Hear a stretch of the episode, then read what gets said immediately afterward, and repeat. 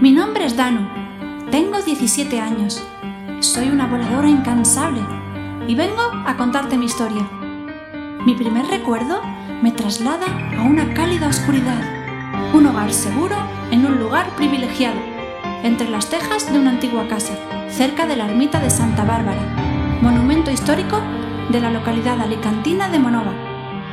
Era verano, la temperatura era ideal y los cantos de mis familiares envolvían y mecían mis sueños. Ya estaba preparada para emprender mi aventura vital.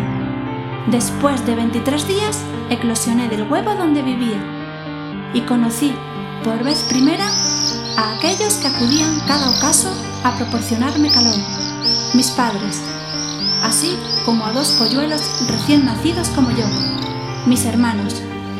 Nuestros progenitores, varias veces al día, nos alimentaban amorosamente con bolitas de ricos insectos. Esto sucedió a lo largo de casi 55 días, durante aquellos alegres y reconfortantes primeros momentos de vida. Sin embargo, no siempre fue así, puesto que a veces el frío imposibilitaba que hubiese insectos para cazar. En tal caso, éramos capaces de permanecer en un estado de hibernación, ralentizando los latidos de nuestro corazón, mientras esperábamos hasta siete días una temperatura más adecuada. Un 13 de julio llevaba cuatro días sin comer y sentía que no podía quedarme en el nido por más tiempo.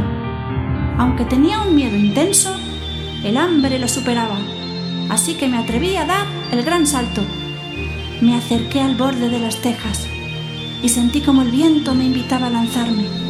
Entonces, gracias a ese motivador impulso, a la llamada de la libertad, me dejé caer desde las alturas, abrí las alas y me elevé hacia el cielo, lo más alto que pude.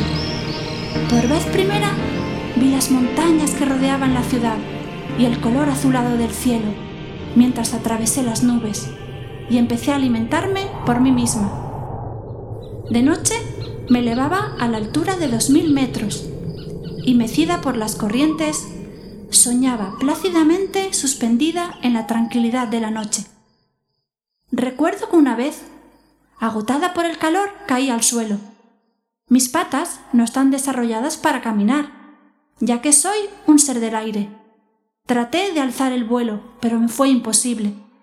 Entonces, de repente, apareció una forma humana me cogió amorosamente entre sus manos, me situó a la altura de su rostro y abrió delicadamente su mano, mientras sonreía gratificantemente. Desde sus cálidos dedos di mi primer salto e inicié de nuevo el vuelo, agradeciendo a ese ángel que me había salvado de una muerte casi segura. Mi primer verano fue muy especial y divertido. Conocí otras especies, tales como las golondrinas, y los aviones, que también veraneaban por los parajes monoveros. Cada uno de nosotros tenía su propio espacio y el respeto era mutuo. Con el paso de los días sentí algo especial en el ambiente. Era una llamada que me llegaba desde la lejanía. Era momento de dejar estas tierras y emprender un largo viaje de 20.000 kilómetros. Junto con los demás vencejos, nos dirigimos hacia el sur sobrevolando aquellas fértiles tierras, con destino a África. Los afortunados que ya la habían visitado evocaban memorias de belleza espléndida. Bordeando el gran desierto del Sáhara, por la costa occidental africana, llegamos al Camerún, zona de densas selvas e interminables sabanas. Allí permanecimos durante un tiempo, para después continuar nuestro descenso por el continente hasta llegar a Kenia. Al cabo de unos meses, en febrero, iniciamos el viaje de vuelta a España, cuyo destino fue, de nuevo, el lugar donde nací, Monova, en el mes de abril. Esta vez todo fue distinto. Era la primera vez que experimentaba todo tipo de nuevas sensaciones. El clima templado, la fragancia primaveral. La ciudad estaba titilante de colores. Las amapolas, las margaritas, otorgaban al paisaje algo característico y único. Con el paso del tiempo, los días se iban haciendo más calurosos y mis padres volverían a poner huevos en el mismo nido en el que nací. El verano de ese año fue más caluroso que el anterior y pude comprobar cómo algunos polluelos abandonaban el nido de forma prematura, debido a la asfixia que sufrían en su interior. Algunos de ellos desafortunadamente perecían. Debido a este infortunio, recordé a aquella humana que salvó mi vida el año anterior y surqué los aires en su busca, con el fin de pedirle ayuda. Gracias al destino, que no entiende de casualidades, vislumbré de repente su afable rostro, mientras ella contemplaba meditativa las alturas.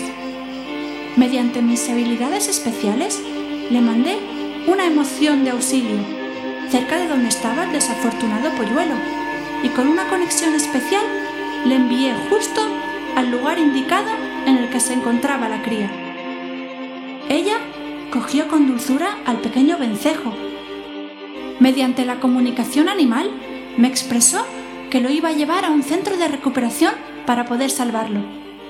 Allí lo cuidarían y lo alimentarían, tanto a él como a más vencejos, hasta que estuvieran preparados para volar, momento en el cual alzarían el vuelo alegremente por primera vez hacia la inmensidad celestial. Pasaron los meses estivales y dicha estación llegaba a su fin y volvimos a prepararnos para emigrar a nuestra querida y salvaje África. Para la segunda primavera de retorno a Monóvar ya era una ave adulta. Me viene a la memoria una noche en que la luna llena iluminaba el cielo. En ese preciso momento, Tans, un compañero de juegos de la infancia, se acercó a mí y me profesó un amor profundo y fiel. Desde aquel mágico momento hemos permanecido juntos. Aquel mes de mayo, Tans y yo fuimos recolectando diversos materiales que había suspendidos en el aire para construir nuestro primer nido. Para su emplazamiento, escogimos una casa abandonada por la zona del barrio de la Goletja, cerca de las ruinas del antiguo castillo del pueblo. Aquel verano solíamos volver 15 minutos antes del ocaso para incubar los huevos durante la noche. Mientras tanto, escuchábamos el tañido de las campanas del reloj de la torre, delatándonos el paso del tiempo. Fue hermoso cuando después de 21 días eclosionaron al unísono los tres huevos que empollamos. Desde entonces, nuestro esfuerzo para alimentarnos fue cada vez mayor y cuyo único objetivo era el de alimentar a nuestra descendencia. Por otra parte, teníamos que actuar con cautela, puesto que cerca de allí vivían los ternícalos del castillo, los cuales a veces permanecían al acecho mientras nuestro cuerpo sobresalía de entre las tejas, mientras cebábamos a nuestros polluelos. Pero entre Tans y yo vigilábamos para que todo fuera bien. Los años se sucedieron y con el paso de las estaciones, sus cambios, nuestros viajes, Tans y yo siempre nos volvíamos a reunir en la oscuridad de nuestro nido, donde pasábamos mágicos momentos, mientras hablábamos de nuestras aventuras del viaje. Por desventura, una vez regresamos a nuestro nido y observamos con profunda tristeza que estaba sepultado por cemento debido a nuevas obras que se habían producido en el inmueble. Por suerte para nosotros los vencejos, cuando necesitaba ayuda, volví a conectar con esa humana tan agradable, que siempre acudía a mis peticiones. Mediante su inestimable y desinteresada ayuda, trataba de preservar las viejas construcciones para que se respetaran los espacios de anidamiento. Ella luchaba por protegernos e instruía a los demás humanos para que supieran cómo ayudarnos. Ahora, que ya soy viejita, sé que pronto dejaré el reino de los cielos para regresar a la tierra y fusionarme con el suelo, para nutrirlo y dar vida a una planta, a un gran árbol para que puedas seguir contemplando con una gran dicha la llegada de los vencejos a Monóvar cada mes de abril.